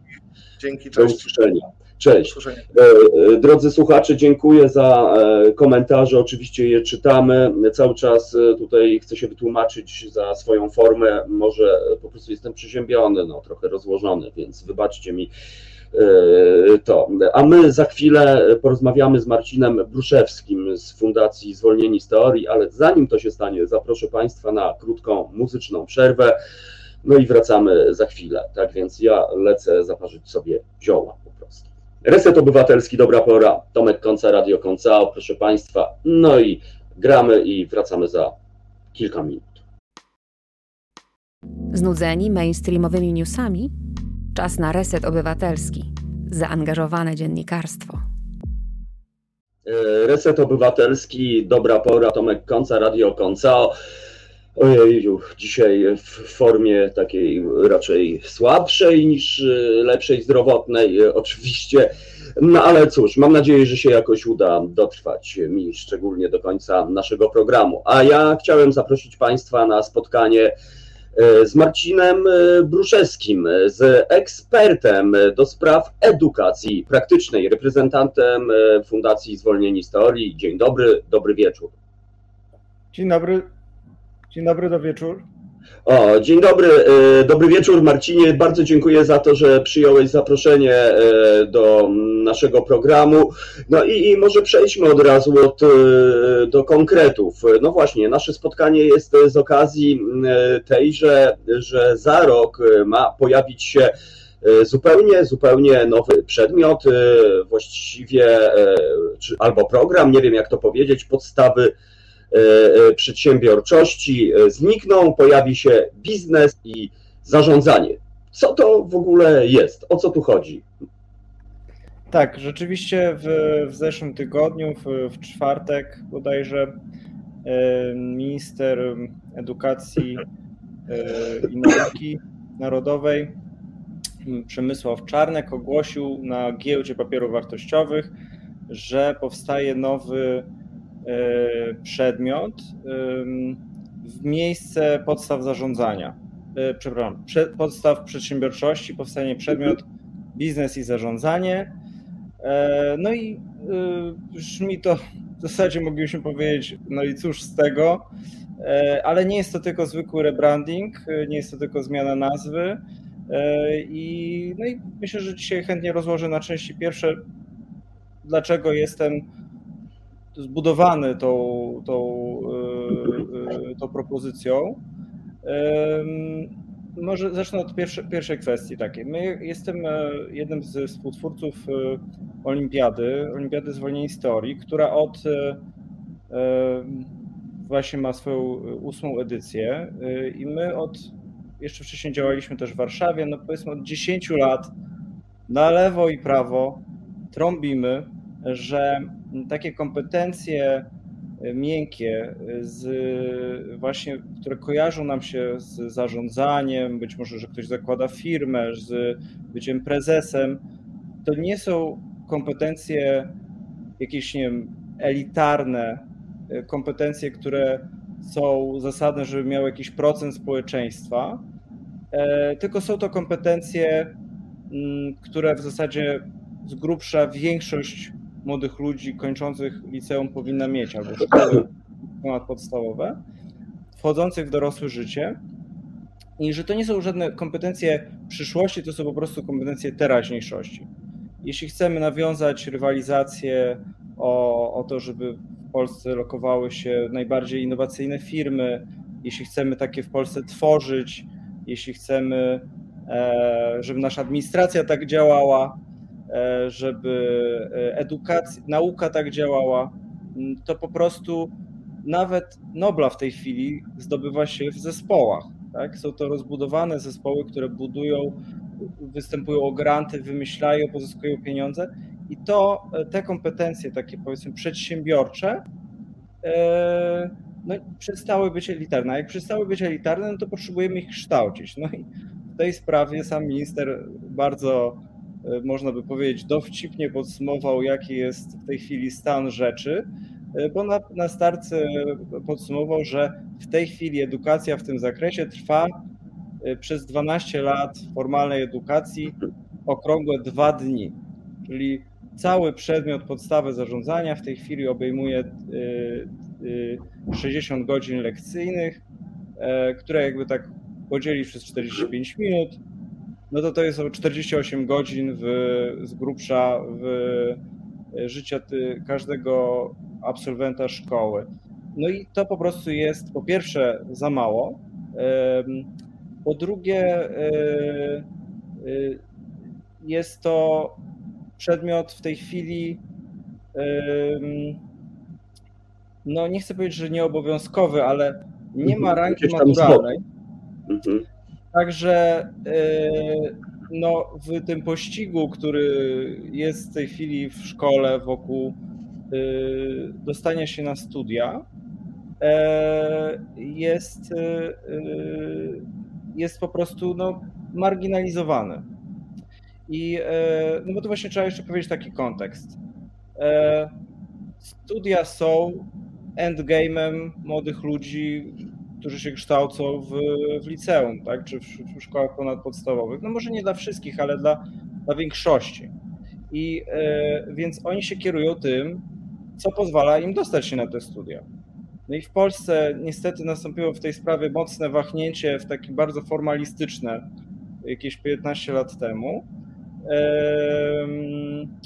I e, spowodowało to, że tylko matury w zasadzie w większości przypadków liczą się na studia. I, to, no, ja bardzo bolewam na tym, że to się wtedy wydarzyło. W sensie na zachodzie jest inaczej, uwzględnia się wiele innych kompetencji, no ale utrwalił się takie logiczne rozumienie, że to jest sprawiedliwe, że to jest uzasadnione. No i teraz to spowodowało, że w zasadzie nas, nastąpiła ogromna fala skupienia się na tym, żeby zdawać te matury. I w zasadzie wszystko, co jest niezwiązane z tym, jest troszeczkę w tle. Eee, no, I teraz możemy się na to zrzymać. Oczywiście dla mnie endgame'em było, żeby to jakoś e, e, odwrócić sam ten proces, no ale póki to się nie dzieje, to samo wpisywanie się w tym systemie e, rzeczy, które są słuszne i zasadne, no też jest postępem, więc ta sytuacja, że ten nowy przedmiot, po pierwsze, znacznie bardziej rozbudowany, bo będzie mógł być na poziomie rozszerzonym, a po drugie, będzie mógł być, e, e, będzie możliwość zdawania go na maturze. Co oznacza w skrócie, że studia uczelnie i spodziewam się, że zrobią to od razu takie uczelnie jak na przykład SGH, czy wszystkie szkoły ekonomiczne e, w, całym kraju i być może wszystkie inne przedmioty menadżersko-biznesowe, jakie mamy na różnych zupełnie istotnych uczelniach, e, wszystkie prawdopodobnie podczepią się pod ten przedmiot. To spowoduje, że nagle z przedmiotu, który jest pomijany, który jest gdzieś tam w tle, który zajmuje tylko dwie doby, e, wyniesiemy te kompetencje na e, gdzieś, gdzieś e, wysoko. Ja w swoim komentarzu o tym mówię, że to jest przełom, że to jest bez precedensu. Tak? W tym zakresie jest to bez precedensu, w zakresie tych kompetencji. Mhm. No i tak. A druga zapowiedź, która padła, jest też istotna, że ma być, no i tutaj jakby jest na razie tych informacji mało, za mało, żeby coś e, realnie z tego wywróżyć, że ma ten przedmiot być bardziej praktyczny, ma być bardziej zespołowy. E, no to jeszcze zobaczymy. Tak? Mhm. Na pewno też pochwała za to, że ten przedmiot ruszy z pewnym opóźnieniem. Od ogłoszenia do tego momentu, kiedy on ruszy, minie półtora roku. Mhm. To jest jedna z największych e, szkód, które zrobił bodajże wtedy rząd SLD, wprowadzając podstawy zarządzania e, w pół roku. Czyli byli podobną presją, jaką my teraz e, e, albo szereg innych podmiotów w Polsce wywiera na obecny rząd, żeby właśnie coś w tym temacie zrobić. I oni wtedy też byli pod podobną presją i ktoś tam powiedział, dobra, robimy i, i ten, te podstawy, zarządza, podstawy przedsiębiorczości zostały uruchomione w ekspresowym tempie, z ekspresową no, nie jestem w stanie tego inaczej nazwać, no, łapanką, e, kto tego, kto, kto tego przedmiotu będzie uczył, jaką będzie miał podstawę programową, więc no, też tutaj jest e, uzasadnione słowa, powiedzmy, no, e, nie wiem, czy to do końca jest pochwała, no, mhm. powinniśmy się tego oczekiwać za każdym razem, tak, mhm. że takie zmiany są wprowadzane w przemyślany sposób, no i tutaj one wydaje się, będą konsultowane, będą e, przemyślane. E, no właśnie, e, dobrze, że zahaczyłeś o ten temat, bo aż no naturalnie, aż się prosi, kto będzie uczył tego przedmiotu. Tak więc, no, rzeczywiście w przypadku chaotycznych ustaw, które są, no nie wiadomo po co w ogóle usta, ustanawiane, E, a, a tych ustaw jest dookoła, nawet, nawet ustawa konopna, e, o której rozmawialiśmy e, przed chwilą z Andrzejem, że nagle z nienacka zaczęło się coś tutaj działać i, i nie wiadomo o co tu chodzi. Natomiast rzeczywiście ta perspektywa, czyli że to jest 2023 rok, rozumiem, to jest ten czas na konsultacje i też na przygotowanie odpowiedniej kadry, no bo przecież to nie ma sensu, że za przeproszeniem, nie wiem, no ktoś, kto uczył do tej pory, nie wiem, rosyjskiego, nie wiem, czy się jeszcze uczy rosyjskiego w szkołach, nagle będzie tutaj e, operował, e, e, będzie, będzie nie wiem, nauczycielem biznesu i zarządzania po prostu. Znaczy, ja co do tego nie jestem aż taki przekonany. Aha. Myślę, że to jest możliwe, tylko musi nastąpić jakiś czas dostosowania tego, tak? I mhm. znaczy, my musimy sobie uświadomić, że mimo, że jako, pa, jako państwo wydajemy PKB, 5-6% PKB na edukację, to nasze e, możliwości w tym zakresie w stosunku do zachodnich krajów e, są ograniczone, bo nasze PKB jest znacznie niższe niż w tamtych krajach. Mhm. I efekt jest taki, że e, te nakłady na edukację no, są stosunkowo no, są niewystarczające, co by tu dużo mhm. mówić. Widzieliśmy protesty kilka lat temu nauczycieli, oni dalej są w zasadzie zdemotywowani tym i yy, także, także to nie jest, ja nie, nie wierzę teraz, że, że nagle na fali tego przedmiotu y, będzie nowi nie wiem, przedsiębiorcy będą prowadzić te zajęcia. I zresztą nikt tego chyba nie, ja, ja też tego nie oczekuję i nawet na zachodzie odchodzi się od takiego myślenia, że nie wiem, na przykład mm, w sensie to jest po prostu na przykład też niemożliwe, żeby nowoczesnego programowania uczyli ludzie, którzy są warci na rynku, nie wiem, 20 czy 30 tysięcy złotych miesięcznie, tak? I e, to, co nam daje XXI wiek, to daje nam e, nowoczesne technologie, które mogą być coś w rodzaju egzoszkieletu, który możemy nałożyć na e, zmotywowanego wychowawcę, na, na, na osobę, która zna podstawy pedagogiki, e, ale nawet nie musi być koniecznie przedsiębiorcą z własnym doświadczeniem. To oczywiście byłoby wspaniałe, ale jeśli my go wyposażymy w narzędzia i teraz są takie możliwości i to jest jakby moje marzenie, żeby, żeby w tym kierunku ten przedmiot poszedł, e, gdzie nawet obecny, bo to prawdopodobnie będą E, przecież no nie zwolnimy teraz tych nauczycieli przedsiębiorczości, więc w dużej mierze to będą ci nauczyciele, e, ale my możemy ich wyposażyć w taki egzoszkielet, który z, z nich zrobi super nauczycieli e, mhm. tego przedmiotu. Ważne będzie, bo, bo, to jest właśnie powiedzmy ta, prawda, ta, ta, ta gospodarka, gdzie możemy wykorzystać, skupić się na tym, żeby zbudować content centralnie, dla tego przedmiotu i jego ideę, a potem e, mm, dać nauczycielom z tym kontentem pracować z uczniami. I tak, żeby podać przykład. No my jako zwolnieni historii to robimy. To znaczy my żeśmy e, zauważyli, że zamiast, żeby być tylko i wyłącznie mm, czymś dla młodych ludzi, e, może dla, dla słuchaczy, którzy są niewtajemniczeni, dla, dla tych z Państwa, którzy nas oglądają, e, Zwolnienie Historii to jest platforma, gdzie młodzież robi swoje własne projekty społeczne.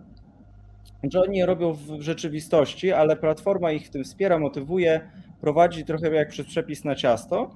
I sens tego jest taki, żeby oni właśnie w praktyce, robiąc takie własne przedsięwzięcia, zdobyli te te kompetencje właśnie takie biznesowe, pracy w zespole, negocjacji, przywództwa.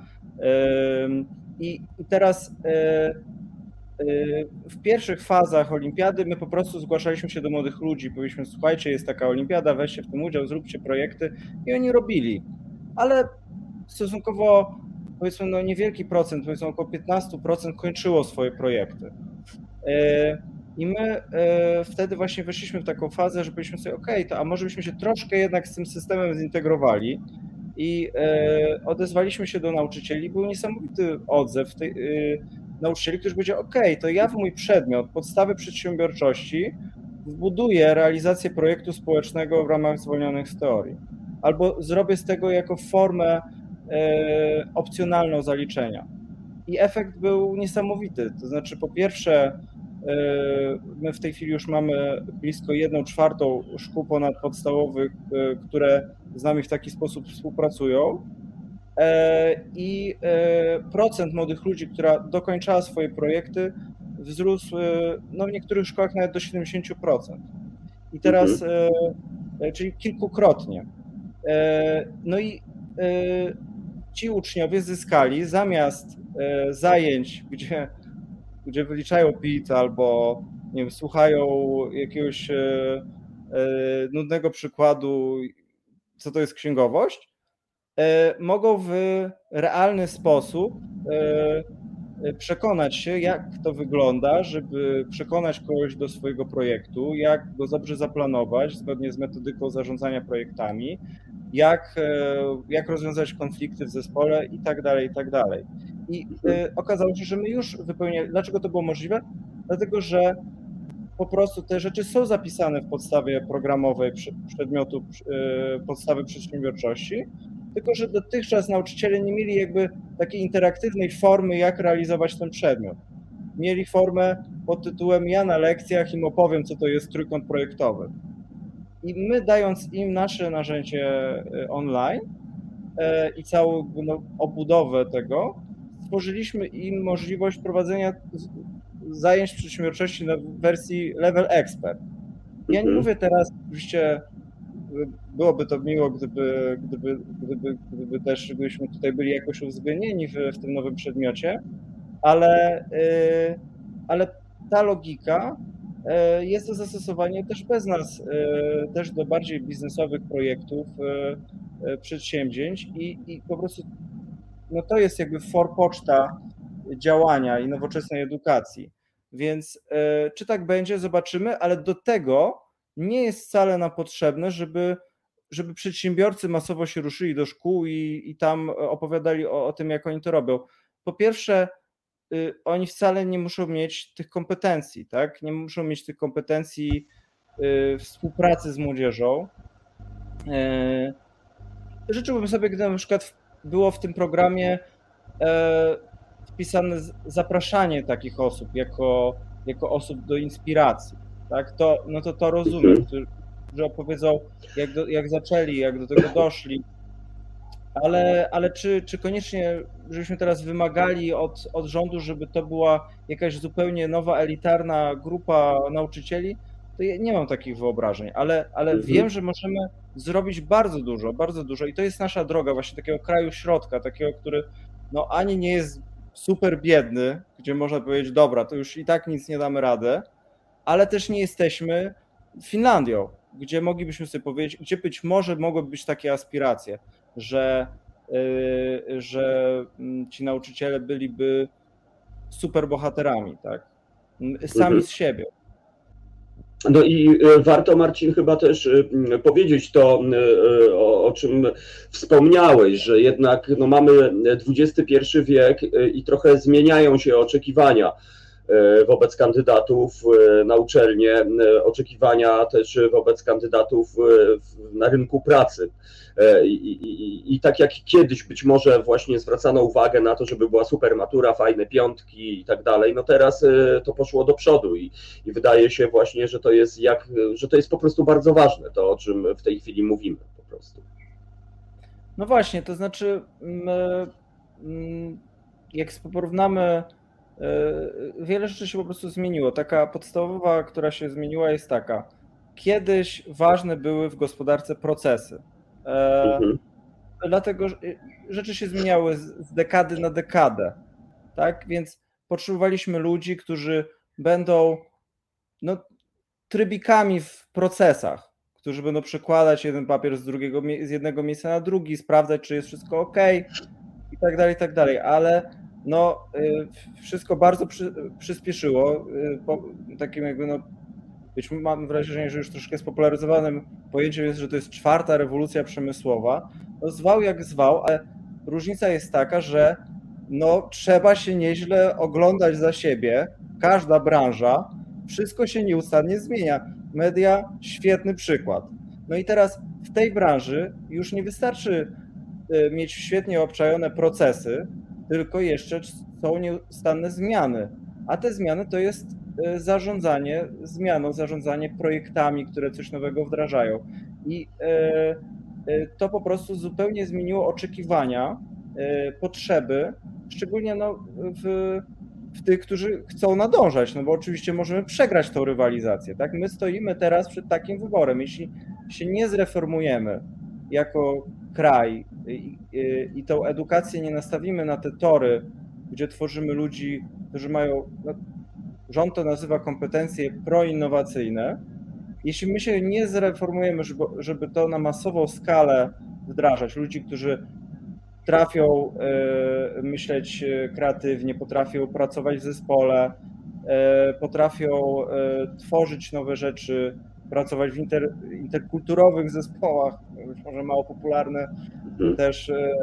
W każdym razie, jeśli my się nie zreformujemy, no to, no to przegramy e, rywalizację e, gospodarczą e, i ktoś mógłby powiedzieć, że już ją przegrywamy. No mi się wydaje, że, że, że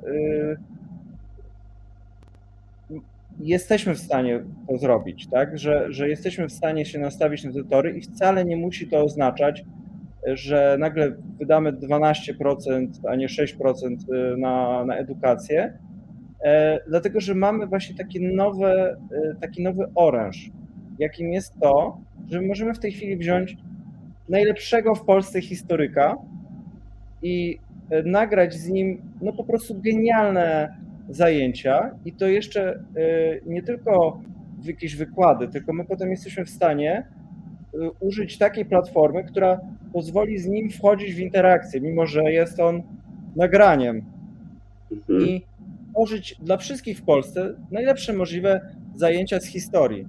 Tak? I e, ten proces oczywiście powoli się dzieje. Ja to, ja to widzę, e, są takie śmieszne przykłady, na przykład yy, a propos tych matur, jest na przykład taka, zresztą projekt, który wypłynął ze zwolnionych historii, nazywa się maturalni.com i oni po prostu pozwalają młodzieży skrócić czas potrzebny do nauczenia się matury do, do minimum.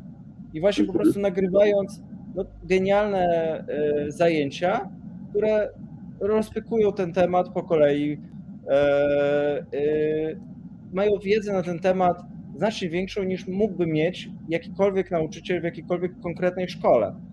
I mhm. dzielą się tą wiedzą ze wszystkimi. I, mhm. I, to jest właśnie coś, co możemy wykorzystać i e, no, w tym zakresie tych kompetencji miękkich, takich praktycznych jest to trudniejsze. E, wymaga zaangażowania ludzi w, w, w działanie na żywo. No to jest coś, z czego my jesteśmy bardzo dumni, że my to właśnie potrafimy, ale, ale to jest dostępne też naszej administracji. Musi po prostu sięgnąć po tą, po tą wiedzę, zobaczymy, czy to się tutaj zadzieje. E, I no ale sam kierunek, wracając jakby no, do, do tematu, dlaczego się tutaj dzisiaj widzimy, jest, no jest, e, jest, jest, jest okej, okay. to, jest, to jest to, czego bym oczekiwał. E, wiadomo, że w Polsce różnie bywa na, na w kwestii wykonania, adaptacji tego. To wszystko wymaga to też, jakby, nie wiem, może ja jakieś mam jakieś miękkie serce, ale to jest obiektywnie trudne, tak? Y, y, I, i, i problemy są bardziej fundamentalne, y, których nie, nie, nie, chcę jakoś dzisiaj bardzo poruszać, tak, ale jest duże zniechęcenie wśród nauczycieli, jest duże niezadowolenie, wielu z nich rozważa, żeby w ogóle odejść, tak, więc jest to stosunkowo skomplikowane, żeby teraz do nich przyjść i powiedzieć, hej, jest nowy przedmiot, zaangażujmy się całym sercem i zróbmy z, po prostu tutaj rewolucję. E, więc e, też e, jakoś no, dyplomatycznie chciałbym zwrócić uwagę, że to wszystko jest ze sobą powiązane. To nie jest tak, że teraz ogłosimy jakiś jeden przedmiot, nie rozwiążemy tam tych problemów i, i sprawa będzie załatwiona. Mhm. E, Marcin, e, bo jest jedna taka rzecz, ja tak się zastanawiam, bo gdzieś tam w pamięci mam e, takie przykłady szkół, które uczyły zawodów, które nie istnieją. My żyjemy w XXI wieku, rozwój technologiczny, sztuczna inteligencja. A no właśnie, jak to się ma do, do tego, o czym rozmawiamy po prostu?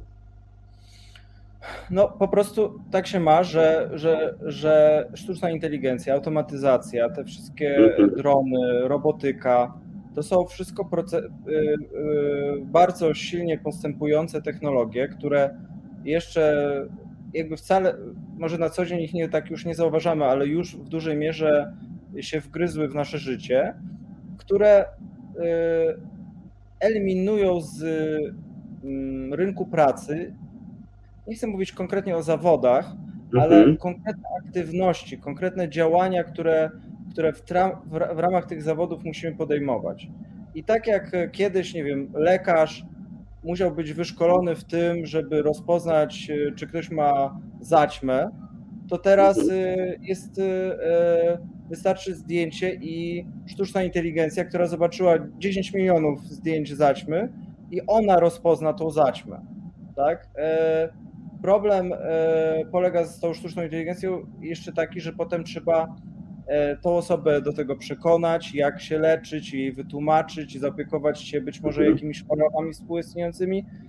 E, I e, więc to nie jest tak, że ja nie jestem w ogóle takim fatalistą, że o matko i teraz ludzie w ogóle nie będą potrzebni, tak? Tylko kompetencje, które będziemy od nich oczekiwali, zadania, które będziemy chcieli, żeby oni wykonywali, będą inne. Więc jeśli podam taki mój ulubiony przykład to jest, e, e, jest taki film Hidden Figures o trzech ciemnoskórych programistkach z NASA w, pod koniec lat 50., na przełomie lat 50., 60. i one były, no nie, wtedy jeszcze nie były programistkami, były matematyczkami i e, były e, częścią działu, który się nazywał Colored Computers i odpowiadał za wyliczenia rakiet tam, które miały tam Apollo i różnych innych. I w pewnym momencie e, jedna z nich, jest taka scena w tym filmie,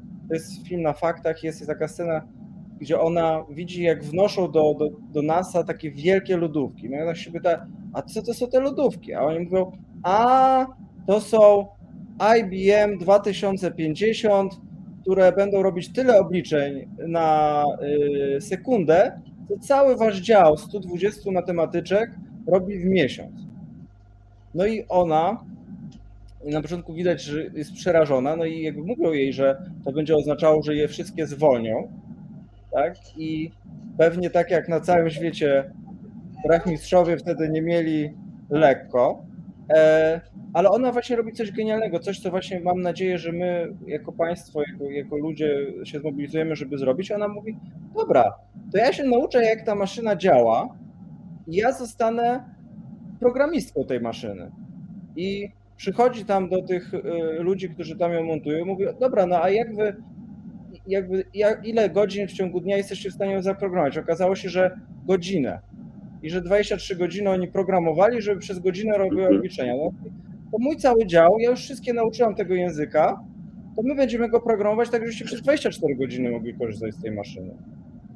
I e, jakby miał teraz tak to puentę zrobić, to kraje, które ogarną, żeby swoich rachmistrzów zamienić w programistów na czas, no to przetrwają. A te, które mhm. będą uparcie uczyć rachmistrzostwa i się dziwić, że to tak średnio wychodzi, no to nie najlepszy je los czeka. Mhm. No właśnie, no to jest, no, to, to, to, to jest logiczne, zrozumiałe i, i, i, tylko, że wiesz, że to jest tak, że e, patrząc na właśnie polski system edukacji, aż trudno, trudno w to uwierzyć. No ale ja mam nadzieję, że może naprawdę, naprawdę coś się zmieni. Marcin, a pozwól, bo e, ja przeczytałem w notce od Was, że liczne raporty potwierdzają rangę kompetencji społecznych lub tak zwanych 4K. No, chciałbym, żebyś rozwinął to zdanie. Tak. Szczególnie z uwzględnieniem, co to jest to 4K, bo tutaj nie chodzi o rozdzielczość, tak, rozumiem. To jest tak, że yy, na przykład World Economic Forum mhm. pewien czas robi takie badanie, które, gdzie pyta swoich członków, no, największe, najważniejsze firmy globalnie o, o to, jakich oni się spodziewają, jakich, jakich kompetencji ben, będzie wymagało E, gospodarka w najbliższych latach, e, jakie zawody właśnie będą wygasały, jakie będą powstawały nowe. No i oni po prostu już, no nie wiem, pewnie zdążyli z pięć takich raportów w ostatnich e, latach wydać i za każdym razem właśnie posługują się taką nomenklaturą, w skrócie mówią, ok, to takie, gdybyśmy mieli coś wydestylować, być jakieś konkrety E, e, które e, no warto, łatwo zapamiętać i tak dalej, no to mhm. mówię właśnie o kompetencjach 4K. Mówię, to będzie, to jest ten, ten atut, czyli kooperacja, czyli właśnie współpraca w zespole. Mówimy tutaj o zaawansowanej takiej współpracy. Nie chodzi o to, że ktoś się nauczył na angielskim wspólnie rozwiązać ćwiczenie, tak? Tylko rozmawiamy o tym, że ktoś potrafi rozpoznać osobowości swoich członków zespołu, wiedzieć jak z nimi współpracować, e, jak e, e, kiedy ustąpić, kiedy nie, jak rozwiązywać z nimi konflikt, jeśli jest taka potrzeba, jak wykorzystać maksymalnie właśnie atuty każdej z, z osób w, w zespole. Podam taki przykład, na przykład w Olimpiadzie Zwolnień Historii my mówimy młodym ludziom, słuchajcie, oczywiście możecie zebrać kupę pieniędzy i zatrudnić programistę, yy, grafika i kogoś, kto świetnie wam napisze kopię waszej reklamy i jeszcze kogoś, kto świetnie wystąpi w mediach. No ale to jest trudne. Jesteście młodzi, nikt wam nie da 100 tysięcy złotych na wasz projekt prawdopodobnie. Ale za to możecie tak sobie dobrać zespół, i to też jest kompetencja współpracy, żeby dobrać tak sobie zespół, żeby mieć te wszystkie kompetencje w tym zespole. Weźcie kogoś, kto umie y, programować, weźcie kogoś, kto jara się social mediami i razem stworzycie team, który będzie miał te wszystkie kompetencje już w sobie. I, i, i e, więc to jest ta pierwsza z tych czterech K. Druga jest komunikacja. No zarówno y, taka, że potrafię napisać tweeta tak, żeby ktoś to zrozumiał, a jednocześnie było to ciekawe, jak i y, y, z, właśnie wspierająca tą pracę w, w zespole. No, na tłoku e, przekazów, w którym żyjemy, jest to, jest to po prostu piorunująco ważna kompetencja. Kreatywność pewnie najtrudniejsza z tych 4K, dlatego że y, to nie jest tak, że to zrobimy na temat jakieś jedne zajęcia i, i, i pozamiatane. Jest tutaj sporo e, talentu. No chociaż też trzeba pamiętać, że dość już też nie, niejednokrotnie dowiedziono, że małe dzieci mają bardzo podobny, ogromnie wysoki na poziomie geniuszu poziom kreatywności. Więc raczej jest tak, że szkoła często e, temperuje to, e, taka pruska szkoła przede wszystkim. E, no więc musimy się nauczyć, jak to odwrócić, tak? No, jakby generalnie w tych tematach jako Polacy no mamy bardzo dużo do nadrobienia. We wszystkich tych tematach, które wymieniłem, tak? Jakby nie pracujemy w szkole w zespołach, a jak, jeśli już to nad, nad, nad małymi rzeczami. E... O, pozwól, że słowo, tak jak e, kapitan Strafford napisał, współpraca, e, a u nas jest bardziej rywalizacja, przynajmniej to, to ja pamiętam w szkole właśnie.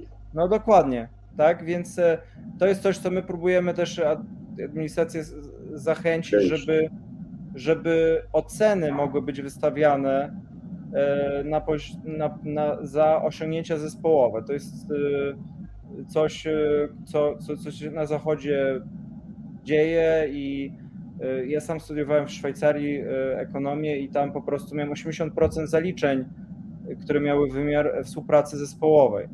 E, więc e, w sensie ocen, e, zawsze był egzamin, ale on był tylko częścią, tak? Więc no w Polsce jest, jest, jest po prostu no, słabo i tak jest ta rywalizacja, no bo działamy jako ja, jako jednostka, to ja, ja zdaję tą moją maturę, to ja się dostaję na te studia. No a potem jak jesteśmy dorośli, to już prawie nic tak nie, nie wygląda, tak? No to yy, yy, yy, tworzymy zespoły nawet za celebrytami i wszystkimi tymi ludźmi, którzy mhm. śledzimy w masowych mediach, stoją całe zespoły. Za Igą Świątek stoi potężny zespół, tak? I oczywiście, że to ona wychodzi na kort i odbija tą piłkę, ale jeśli tam by nie, nie działało wszystko w jej zespole dobrze, to nie odbiłaby tej piłki tak dobrze. Więc mhm. e, e, to jest e, no, bardzo no, bardzo mi bliska i naszej fundacji bliska. My się w zasadzie na tym najbardziej koncentrujemy, na tej e, literce 4K. E, no i ostatnie jest krytyczne myślenie. No, e, jak bardziej taka naukowa część tego 4K. Myślę, że też mamy w Polsce rzeczy do nadrobienia w tym wymiarze, chociaż akurat no, takim akademickim trendzie Y, to jest y, i myślę, że tu jest, jesteśmy najmocniejsi. Tak, tak przynajmniej ja sobie to wyobrażam. I, no ale te pozostałe, no to jest strasznie słabo i, i, i właśnie przestawienie torów edukacji na, na, na, na, na trop tych, tych, tych, byśmy to kształcili, no jest ogromnym wysiłkiem i jeszcze dodatkowo jest takim wysiłkiem niewdzięcznym, bo zwrot polityczny wynikający z tego będzie za wiele lat.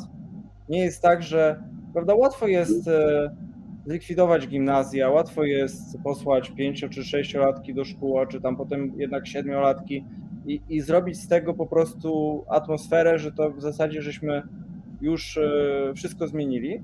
E, a, a te zmiany, o których ja mówię, no to są, są znacznie trudniejsze. One są możliwe, potrzebujemy po prostu takiego no, przywództwa, które, które potrafi pokonać tą polityczną barierę krótkoterminowych zysków politycznych być może też właśnie będzie bardzo ważna rola społeczeństwa obywatelskiego, czyli właśnie takich działań, jakie my podejmujemy. I to się dzieje, w sensie ja jestem ogromnie zbudowany, ile jest szkół na poziomie podstawowym, e, w szczególności teraz, bo, bo te, jak z jakiegoś powodu powiedzmy ten uderzenie prywatnej edukacji jest głównie w tym zakresie i, i wiele tych szkół podąża za tymi trendami, tak? Właśnie porozumienia bez przemocy, szkół demokratycznych, Y, to wszystko jest ogromnie spójne z tym, co ja mówię. To znaczy właśnie mhm. y, nastawione na, na, na, budowa- na, na, na dbanie w, w młodych ludziach w takich właśnie ich, y, ich poczucie własnej wartości, ich kreatywności i nie, nie, więc to, to się dzieje, ale dzieje się w tej chwili w dużej mierze siłą oddolnych ruchów, Mhm. E, no i e, e, co, jaki jest problem w tym fundamentalny, że to się tak dzieje? No, przede wszystkim taki, że to zwiększa nierówności społeczne. To znaczy, ludzie, którzy są wyżej, lepiej wykształceni, mają więcej pieniędzy, ogarniają swoim dzieciom edukację, która spełnia te właśnie wymogi mhm. na XXI wiek. Tak? I mhm. e, odrobią taką procedurę, przeczytają książki, dowiedzą się, posłuchają jakiegoś Bruszewskiego raz czy drugi, tak? I e, no ale ja się bardziej, ja się, ja się w tym kontekście przejmuję tymi, tymi pozostałymi, w sensie co z, z tymi, których rodzice na przykład są zbyt zajęci dbaniem Albo nie wiedzą po prostu, bo chodzą do fabryki. Nie mają dostępu do tej wiedzy, albo nie mają czasu, żeby mieć e, do tego dostęp, tak i e, po, polegają na naszej publicznej e, edukacji, no to jeśli ona się nie, nie zmieni, jeśli nie zmotywujemy do tej zmiany, no to to szczególnie się to na nich odbije. I to jest troszeczkę dla mnie paradoksalne, dlatego że mam wrażenie, że obecna administracja, co by o niej mówić, właśnie wydaje się koncentrować na interesach właśnie takich osób, e, właśnie takich rodzin. E, I e, no jakoś tak próbowałem ująć tą narrację, żeby ich nie wiem, czy, mhm. nas, czy słuchają, czy nie, ale by jak nas usłyszeli, to, to właśnie jest to niesamowita inwestycja właśnie w sprawiedliwość społeczną. Oj, tak. I, i e,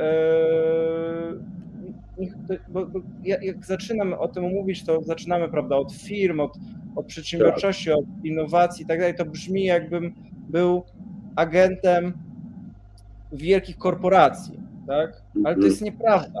To jest nieprawda. To yy, yy, yy, faktem jest, że te korporacje napędzają rynek pracy i wymagania, i z miłą chęcią, jak tylko mają okazję, e, zatrudnią robota, e, bo on e, nie będzie protestował, dobrze wiadomo, ile to będzie kosztowało. Jakby to jest po prostu prostsze, tak? Z wielu powodów. Jeszcze podatki są lepsze, bo opodatkowanie robotów jest niższe niż pracy. Tak więc